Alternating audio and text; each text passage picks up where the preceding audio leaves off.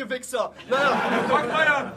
Ey, wir haben hier so ein fucking geiles Match bei Future of Let's fucking go auf meiner linken Seite. Ihr kennt ihn hoffentlich alle, ansonsten weiß ich nicht, was ihr die letzten Jahre gemacht habt, ehrlich nicht. Der hat vor kurzem erst noch einen Banger mit Echo Fresh rausgeballert. Ich hatte selber die große Ehre, ihn battlen zu dürfen. Macht Lärm für Rolling G! Auf, der, auf meiner rechten Seite haben wir eine Titelträgerin sitzen, und zwar die Titelträgerin von fucking Fresh. Macht Lärm für Atropa Trap! Wo geht das Match los? Rolling G fängt an, feiert an den richtigen Stellen, ansonsten ruhig sein bitte. Rolling G, let's go. Ey, Junge, seid ihr da? Yeah! Ein Match gegen einen Tropa Trap. Auf einmal fragen mich meine Homes im Chat, ob dieser Rolling jetzt ihren neuen Namen oder seine Diagnose rap. Guck, wie ich mit den Parts jetzt gebe, das ist Atropa Trap gegen Zerebralparese. Die Fusion aus Greta Thunberg und Beate Zschäpe. Sieh so, ich bin kein Penner, nur weil ich hobbymäßig manchmal auf Straßen klebe. Siehst aus, als ob dein Sohn Desperados wäre. Weiber, Weiber, wie du machen barfuß Regentanz. Du machst noch lange kein Trap, nur weil du auf Beat langsam reden kannst. Deine Gegnerwahl spiegelt deine Sexualpräferenzen. Du stehst drauf, behinderte Hardcore zu bangen. Elle ist bei ihrem, ist bei ihrem Ergo-Vorstellungsgespräch so, ich mag diese Menschen.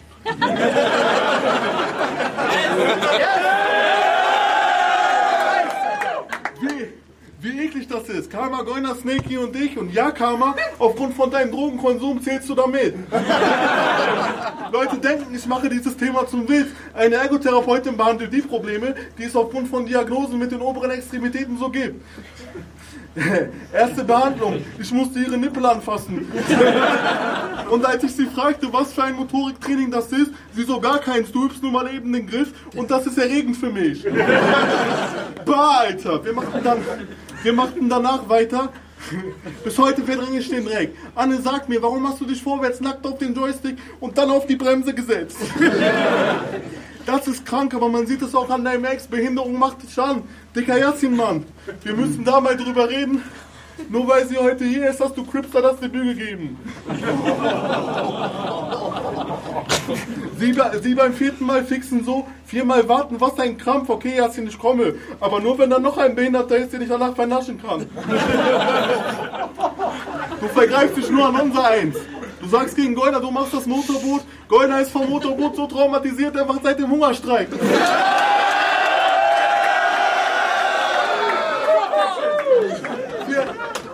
Jahre Ergo gebracht hat. Vier Jahre Ergo gebracht hat es nichts, verdammt. Erklär mir, wie lange es noch dauert, bis ich mit rechts fixen kann. Wann lerne ich praktikable Sachen? Und nein, nicht wegen der Ergo kann ich jetzt ein BH aufmachen. Digga, du darfst mich nicht da anfassen. Hab in der Therapie, also nicht in deiner, die Chance gehabt, Nein zu sagen. Anders als du in Paris mit 13 Jahren. Keine, keine Angst, Cripster. Wenn wir gleich gezeitlos fahren, kann sie uns nicht beide jagen.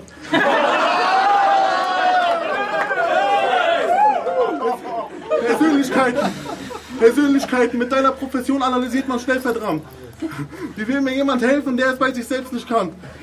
Jede Ergo wollte mir zeigen, was, beim, was wir an meinen Abläufen verbessert haben. Mit Ausnahme von zwei von euch war der Rest von euch komplex beladen. Nice Runde gegen Kato. Durch die Opferrolle kann man auch Reactions haben. Versteh das nicht falsch. Die ist gegen jede Gewalt. Glaub nicht, dass ich jemandem was antue.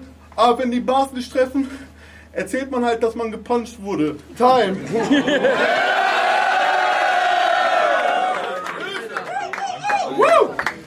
Ey, können wir das schon so anfängt? Ich. Doch, ich will wissen, wohin das führt. Also machen wir weiter. Let's go, Alter. Atropa Let's go. Erste Runde. Ey, ich glaube, Goiner hat meinen Text geleakt und glaub mir echt, dass du ein Spast bist, weil in der ersten Runde bestätige ich alles.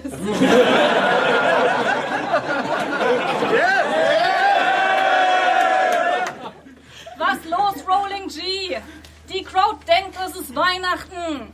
Endlich darf man wieder über politisch unkorrekte Lines lachen.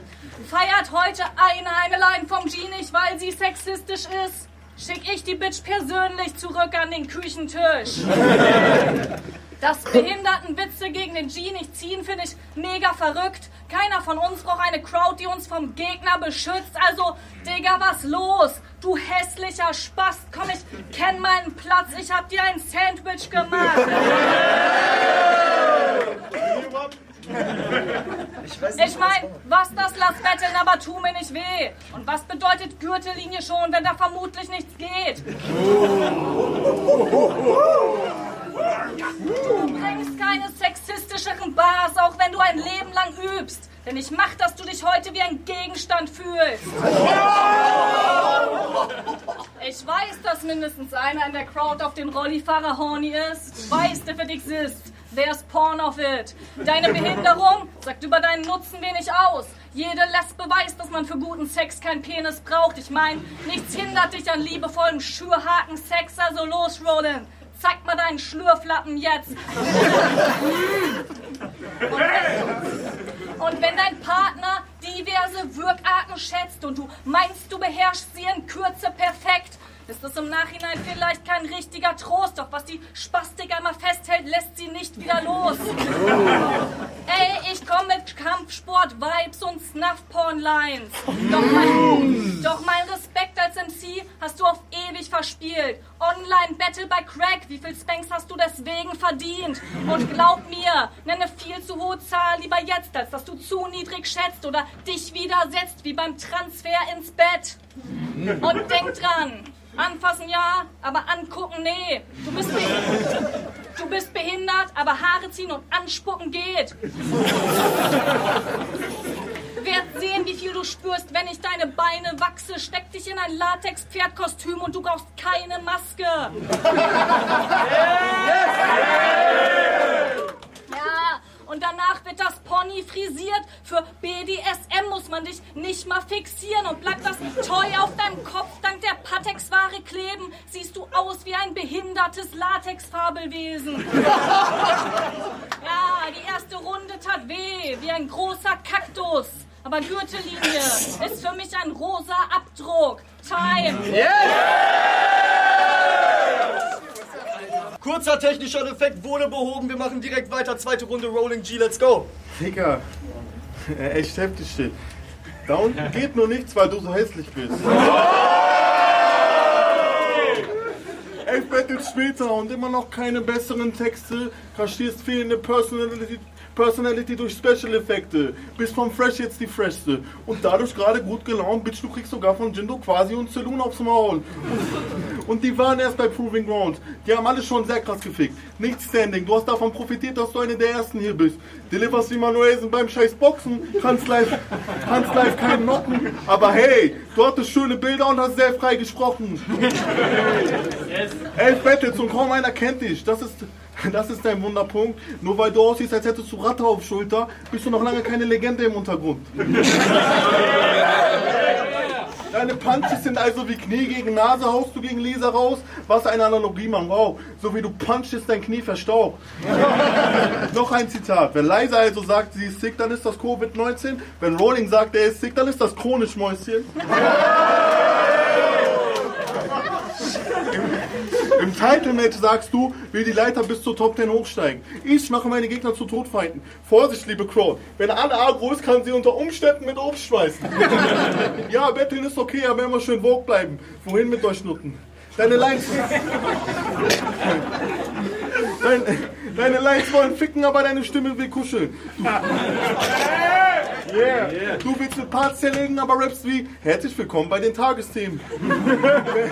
Wenn der Rambo rappt, denkt man, der ist bereit draufzuschlagen. Bei deinen Lines fragt man sich, ob sie sich verlaufen haben.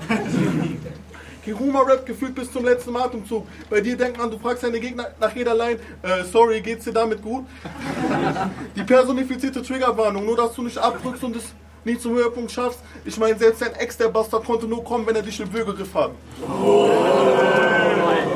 Keiner sagt, du bist unglaublich nice. Wäre dein Werdegang ein Meme, dann wärst du der Uwe und bist auch dabei.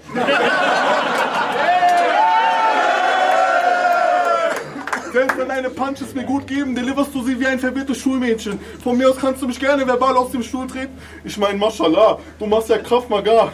Aber, aber wenn du das androhst, legst du süßer als Baklava. Redest davon, du kannst mich schmeißen, aber ich will dir wie albanische Onkels einfach nur in die Wange kneifen. Alice, hör mir mal eben zu. Was ich meine ist, selbst diese Nika hat mehr Autorität als du.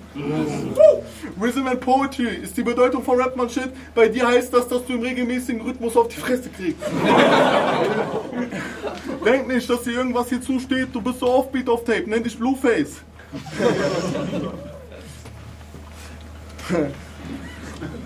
Ich, du stehst nicht für Rap, nicht mal ein Prozent, wie jemand mal sagte, ich freestyle den Scheiß, den du Album nennst. Lass das mit dem Battlen und bleib einfach Fan. Teil. Sehr, sehr geil. Wir machen direkt weiter. Zweite Runde Atropa Trap. Wenn sie soweit ist.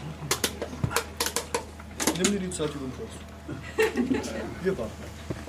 Der G, der dafür bekannt ist, dass er zwischen Bitches wechselt wie zwischen Disney und Netflix. Du suchst nach First Traps auf deiner For You Rolling G mit den Worten TikTok-Algorithmus lügt nie. Sein Name und der seines Fahrers in Schönschrift auf die Guestlist gemalt. In seinem OnlyFans wird er pro Adlib bezahlt. Das Game ist wie sein Rollstuhl, er ist häufig drin, so wie in Groupies, die läufig sind. Und daran lässt er uns teilhaben in allen Details. Lieben Dank. Man munkelt, der G-Spot sei nach ihm benannt.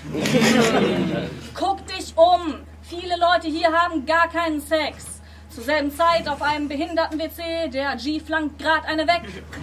An dieser Stelle liebe Grüße von meiner Mama. Hier hast du ihre Number. Bitte kannst du mir eine Halbschwester zeugen. Außerdem hier die Nummer jeder halbwegs fickbaren Freundin. Nur Auserwählte, du weißt, nur die, die es verdienen. Tut mir leid, Laura, hätte eh nie geschrieben. Und erzähl es gern rum, wenn die Kockschlampen sacken. Du bist der Einzige. Du darfst die Socken anlassen. Ach, und hast gut hergefunden oder warst gerade im Stau? Frage ich. Wir waren gleichzeitig da und haben Parkplatz getauscht. Win-Win-Situation, weil ich parke immer so behindert schief ein. In einen normalen Frauenparkplatz komme ich gewöhnlich nie rein. Und wird Roland in der Tiefgarage geraped, hat er zumindest Videobeweis. Doch alle zahlen Pay-Per-View, wenn es auf Vimeo erscheint. Ach so, und Gegneranalyse? Hier, Dings, das, was Leanders meinte. Standardreime. Schlecht vortragen, Text vorsagen, Lines stehlen, reinreden, Zwannis pushen, Mammis bumsen, sagen, dass der Gegner voll schwul ist, danach ein behinderter Rollstuhlwitz. Einer, der lediglich bereits dagewesene Lines kickt, kurz generischer Scheißmist. Und immer dran denken, wer andere fürs Choken mahnt, den später selbst das Choken straft, verstehst du? Das ist wie Kontergan, Bitch, wenn du selbst chokst. Konter gar nicht. Time. Ey, Köln, es ist so geil und gleichzeitig so schade, dass jetzt die letzten Runden kommen. Ne? No joke, ich könnte mir das den ganzen Tag angucken. Letzte Runde, Rolling G. Ey yo, nice Runde, aber Rolling hat keine perverse Seite. Mach du dir einen Account und ich schwöre, OnlyFans geht pleite. Und zu den Nummern muss ich leider Nein sagen, da läuft irgendwas schief, wie du beim Einpacken. Du bist eine Frau und dich behindert heißt, wir sind beide im Rap in der Minderheit. Aber während ich an diesem Image feile und versuche ein Stück weit auszubrechen, bedienst du laufend Stereotype und versuchst die Crowd zu lecken. Ich zeige es euch. Ich zeige es euch. Dann wir dürfen bei Diddley auch, Frau, auch Frauen rappen. Die Vorstellung ist lustig, wie du versuchst, dich auf Gröner draufzusetzen. Und schon lacht er, der starke Mann. Ja, ich, ja, ich, äh, ja, ich bin ein Objekt, was Gröner nicht haben kann. Nur um gegen Kato dann aufzuzeigen, Alice nimmt längst die Kurve, weil das Objekt sein ihr dann zum Verhängnis wurde. Ein, eine Frau im Rap, oha, wie toll. Ich bin unglaublich fresh, reproduziere das, was ihr haben wollt. Was ihr haben wollt. Das Geschlecht und die Krankheit sind Merkmale, die unser Wesen prägen. Lines darüber sind immer okay gewesen, aber ich bin Alice, ich bin nicht im Game von denen. Ich spit richtig nice. Alle Frauen sind im Club. Alice hat ihren eigenen VIP-Bereich. Digga, dein Geschlecht ist ein Teil deiner Persönlichkeit. Natürlich weiß jeder das. Aber die Frage ist, warum du es immer zum Thema machst. Wie du denkst, du wärst die einzige teilte Frau im Rap-Game, ist echt ekelhaft. Jokes on you, mittlerweile gibt es viele von dir. Fick das Geschlecht, deine Vichals wird als MC respektiert. Meine Herren, was man sieht, du hast diesen Stempel nie abgelegt, du hast den dir aufgedrückt. Wenn man so lange drauf rumreitet, kriegt man es auch zurück. Aber bin ich dann überhaupt Sexist, wenn ich das, was ich, wenn ich das, was bei dir omnipräsent ist, zum Thema mache, indem ich sage, ich bang dich?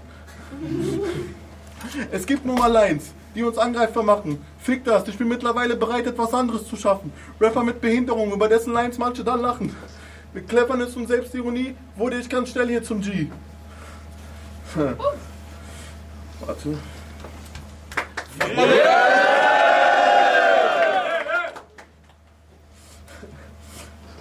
Ich mochte Benate früher nicht. Ich dachte mir, guck mal, was für Hänger es gibt.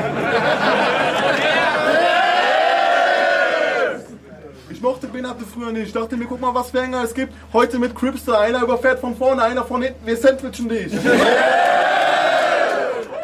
Der Hustle ist real. Ein Battle und Behinderte oben mich ins Papamobil. Ich wurde ohne Grund zum König. Ich dachte mir immer, komm mal runter, G. Bis jetzt Teil einer Community. Kleine Kinder freuen sich heute. Bin dieser eine Freund von Schäuble. Kann, mit, kann mit Behinderung gehen klatschen. Fick das, hab erst gewonnen, wenn sie es nicht mehr zum Thema machen. Wir bewegen uns alle in homogenen Massen. Nein, Dick, hab mir die Krankheit von Gott geben lassen. Das ist der Unterschied. Ich bin bei Normalen und Behinderten nicht ohne Grund beliebt. Du tust so, als ob eine Frau sein dich runterzieht. Guck mal, ich mach bei den Männern mit. Nein, nice, dass dir jede sexistische Line gefällt. Du dich bei Fresh im Kreis aufhältst, aber Anne, sei du selbst. Time. Mega geil. Mega geil. Wir kommen zur letzten Runde des gesamten Battles. Atropa Trap. Ich bin nicht die dopeste Frau im Game und Grüße gehen raus an Dasha, Eschek, Basie und Klaus. Yeah. Ähm, yo. Zurück zum Leanders Battle. Darunter schreibt er, ungelogen. Tut mir leid, ich äh, mache jetzt weniger Battles, um weniger rumzuchoken. G, das geht nicht. Du machst dir doch gerade einen Namen. Zieh noch ein bisschen durch, das wäre doch Wahnsinn. Du hast schon vier Battles. In vier Jahren. Ich mein, vom Crack-Battle abgesehen. Das war abgelesen. Jedenfalls, da musste ich ein bisschen lachen. Wie viel Battles pro Jahr weniger willst du machen? Ey, nach einer langen Woche erstmal Rolling G Battles über vier Stunden gönnen. In der Zeit hätte ich auch drei Folgen in der Baut geheimen Pool gucken können. Und, und das war alles andere als befriedigend. Man fickt deinen Scheiß-Rap. Ich hab eigentlich gedacht, ich guck ne Zahnspangen-Timelapse. Wie viel Spaß ich dabei hatte? Sehr wenig. Frustrierend am Ende. Nicht mal Ergebnis. Ey, es ist der G mit der Aura einer Vendetta Vita und dem Trendsetter Kiefer. Die coolen Kids von heute lassen sich im Rolli schieben und tragen Zahnspanne rückwärts, weil sie möchten deinen Kiefer kriegen. Wenn du dich jetzt fragst, wie lange dieser Engel noch geht, muss mal gucken. Dein Gesicht so fashion, darauf basieren Hundequalzuchten. Und seit er famous kauft er ihr alles von ihrer Amazon Wishlist. Wenn sie mit ihm ausgeht, hat sie außerdem Scary Dog Privilege. Der G weiß, dass das erste Date besonders sein muss. Sie ist beeindruckt, denn er holt sie ab mit Sonnenscheinbus. Und er macht alles richtig, hat sogar Geschenke dabei. Sie findet seine Farid Bang Stimme geil. Sie fackelt nicht lang, setzt sich selbstbewusst auf seinen Schoß. Er sagt, sorry, ich muss jetzt los.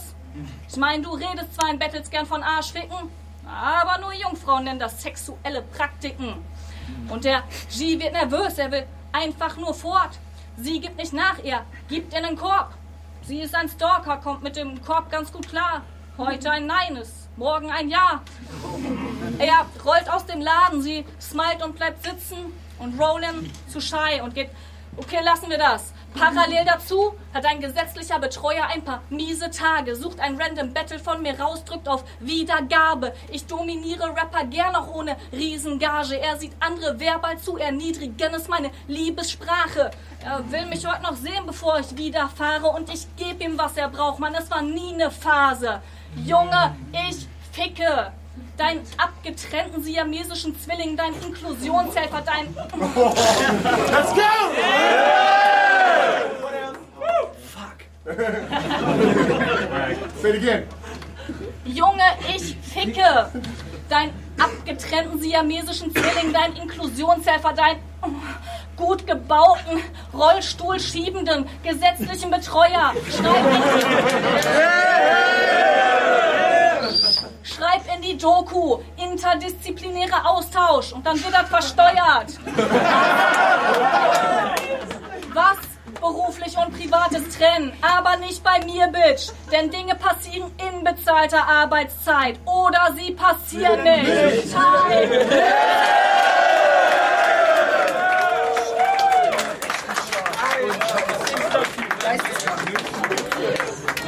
Junge Köln, was war das für ein Battle, Alter? Es war so geisteskrank. Gibt es Judges? Ich hab, ich hab keine Ja. Ahnung. Gibt es? Ich hoffe, ihr wisst, wer ihr seid, weil ich weiß es nicht Ja. mehr. T-Way, Notice und. Oder? Nee? Ah, ah ja, passt. Ich glaube, ich mir das wieder haben. Okay, lass den bitte einmal durch da. Sorry. Okay. okay, Konzentration bitte. Einmal leise sein für die Judges, bitte. Nein, seid mal richtig laut für dieses Bild! Ohne Scheiß, äh, ich, mir fehlen so ein bisschen die Worte, es war geisteskrank so. Das Lustige war halt, du hast halt quasi in der ersten Runde so gesagt, was sie machen wird, aber ich fand, sie hat das so krass gemacht in der ersten Runde, dass ich ihr trotzdem die Runde gehe. Die war mega lustig, jede Line hat reingeknallt. Bei dir auch, aber es war so ein Ticken mehr. Und die zweite Runde, die gebe ich klar an dich und dann geht es zur dritten Runde. Und ich ich gebe es ein 3-3. Ich kann mich nicht entscheiden. So, die dritte Runde ist von beiden auch für mich gleichwertig. Beide haben verschiedene Themen. Er war, du warst ein bisschen ernster, doch ein bisschen wieder diese Behinderungssache und das fand ich richtig geil. Aber es war gleich, ich gebe es 3-3.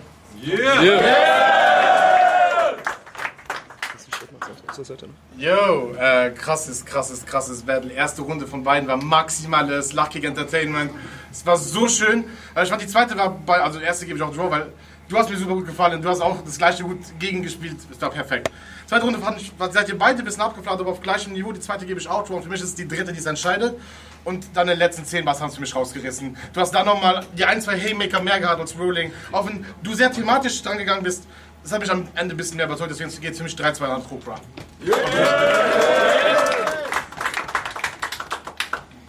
Fuck, ich werde mich jetzt unbeliebt machen.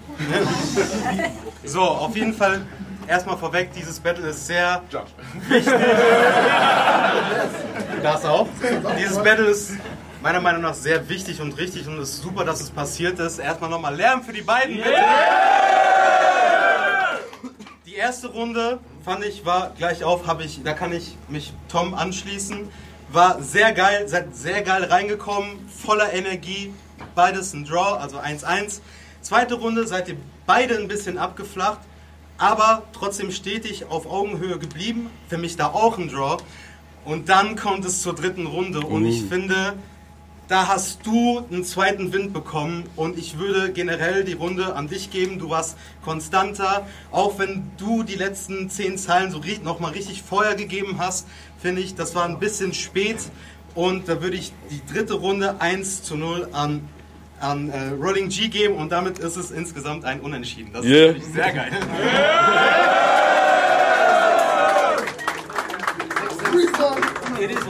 It is. Ja, alles klar.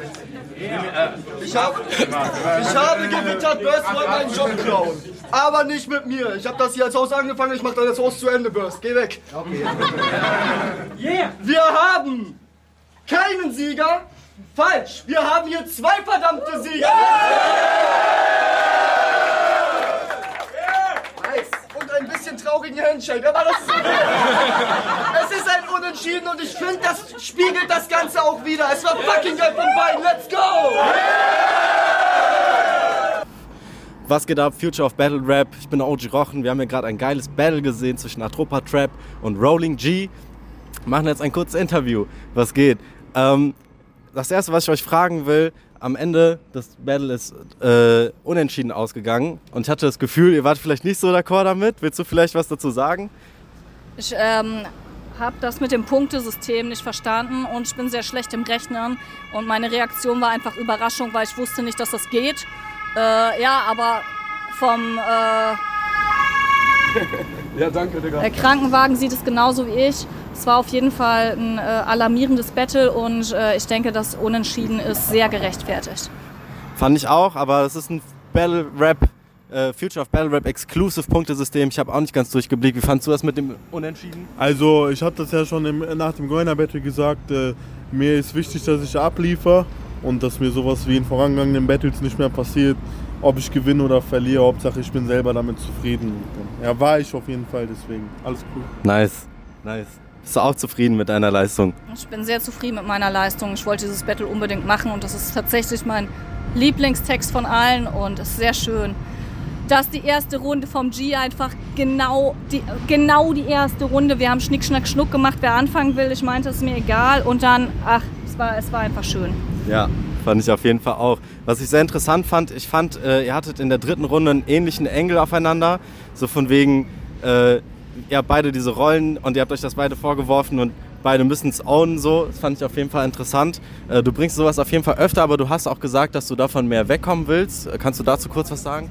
Ja, also äh, man sagt mir ja nach, äh, seit meinen ersten Battles, dass ich äh, diese einfachen Angles nehme so. Und davon will ich halt wegkommen. Äh, und ich glaube, dieser Therapeuten-Angle war auf jeden Fall sehr lustig. Und die äh, Rollen vorzuwerfen war in dieser Konstellation halt sehr legitim. Deswegen habe ich es einfach gemacht so. Wie fandest du das? Also du hast auch äh, diese Rollenthematik angesprochen und dann kam auch dasselbe zurück. So, fandest du es ausgeglichen? Fandest du es cool? Ja, also ich hätte das halt als Fan mir auch gewünscht. Ähm, und äh, diese Konstellation Frau gegen Rollstuhlfahrer, das ist einfach instant ein Gimmick-Battle. Und es wurde einfach die letzten zwei Jahre viel über Political Correctness äh, diskutiert im Battle Rap und das war einfach einfach mal eine schöne Konstellation, wo man es aufbrechen konnte, weil in vielen deinen Battles wussten die Gegner nicht, ob sie wurde, wusste die Crowd nicht, ob sie lachen durfte, wenn der andere behindertenfeindliche Bars gebracht hat. Und bei mir war es halt offensichtlich klar, dürfen die lachen, wenn ich behindertenfeindliche Sachen sage, weil er äh, großen Wahrscheinlichkeit sexistische Sachen bringt, über die man dann auch lachen darf. Und das hat das Ganze einfach mal schön aufgebrochen. Ja, also es war eigentlich klar, dass es ein Gimmick-Battle werden muss. Mhm. Ja.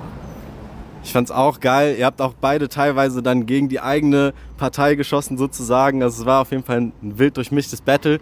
Wollt ihr zum Abschied noch was sagen? Wann kommen die nächsten Battles? Habt ihr Bock? Seid ihr am Start? Erstmal ein bisschen Musik machen Geil, und danach in der zweiten Jahreshälfte auf jeden Fall wieder battlen. Fick Political Correctness, fick Triggerwarnung, fickt euch alle. Fickt euch alle. Fickt euch alle, wir sind raus. Krieg ich auch eine Faust?